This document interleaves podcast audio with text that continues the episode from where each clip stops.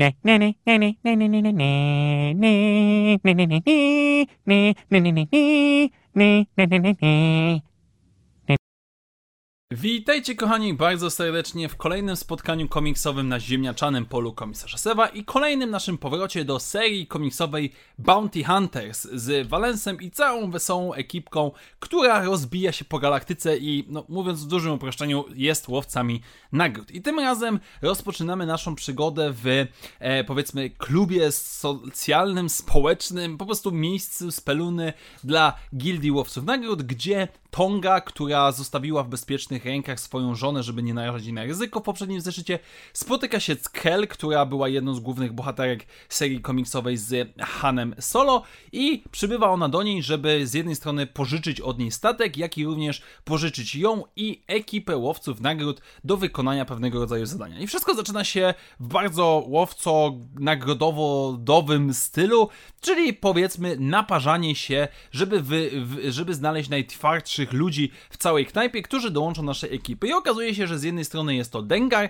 a z drugiej strony jest, nie Dengar, przepraszam, tylko Dirge, a z drugiej strony jest to em, Devstick. E, Dengar się pojawia, jego dziewczyna powiedzmy mu pomaga po tym, jak jest poobijany, no ale to nie ma wielkiego znaczenia, ponieważ nasza ekipa się montuje i okazuje się, że celem, który Tonga wybrała jest Boba Fett. No i widzimy naszą całą ekipę na pogodzie statku, gdzie cały czas jest Boss, gdzie jest Forlom, Zukus, no i jest m.in. Valens, który jest całym problemem. Bo jak może pamiętacie albo nie, w poprzednim arku historycznym główne założenie było takie, że e, Inferno Squad szukało Valensa, żeby wyczyścić jego procesor, jego pamięć e, dotyczącą planów Gwiazdy Śmierci, drugiej Gwiazdy Śmierci. No i na skutek ich działania, udanego wyczyszczenia, Valens coraz bardziej systematycznie zaczyna tracić pamięć, jako że jest bardziej cyborgiem, maszyną niż człowiekiem pod względem technicznym. No i całe założenie ma być takie, że próbujemy, że Tonga ciągnięta pewnego rodzaju wyrzutami sumienia stara się pomóc swojemu kumplowi. No i cała ta ekipa przybywa po Boba Fetta, który znajduje się na jakimś tam,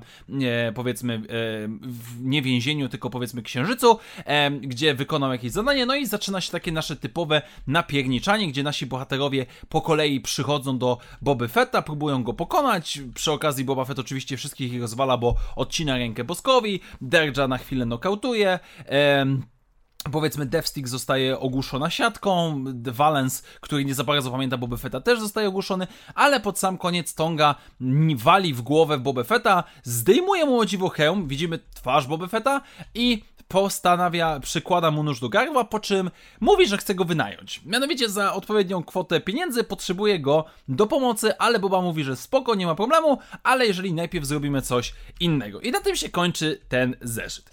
Z jednej strony em, twórca, czy też e, osoba odpowiedzialna za ten scenariusz, czyli Ethan Sachs, próbuje tutaj w pewien sposób tych swoich zagrywek em, związanych z łowcami nagród, i problem jest trochę taki, że nie daje rady kreska. Znaczy, sama kreska od Lan Medina jest jak najbardziej w porządku, jest ładna, ale nie pasuje do tego do tej telenoweli, jaką jest tak naprawdę seria Łowców Nagród, do tej kozackości, do tej e, kombinatorstwa, to po prostu musi być poprzedni rysownik, którego tak dobrze znamy. No i teraz e, trochę powiem szczerze mówiąc, czułem się dziwnie w momencie, kiedy Boba Fett pokazał swoją twarz, no bo dziwnie po prostu patrzeć na twarz Boba Fetta e, między epizodami, powiedzmy, czy w czasie epizodów 4, 5, 6, jakoś po prostu cały czas mi to nie, nie, nie podchodzi.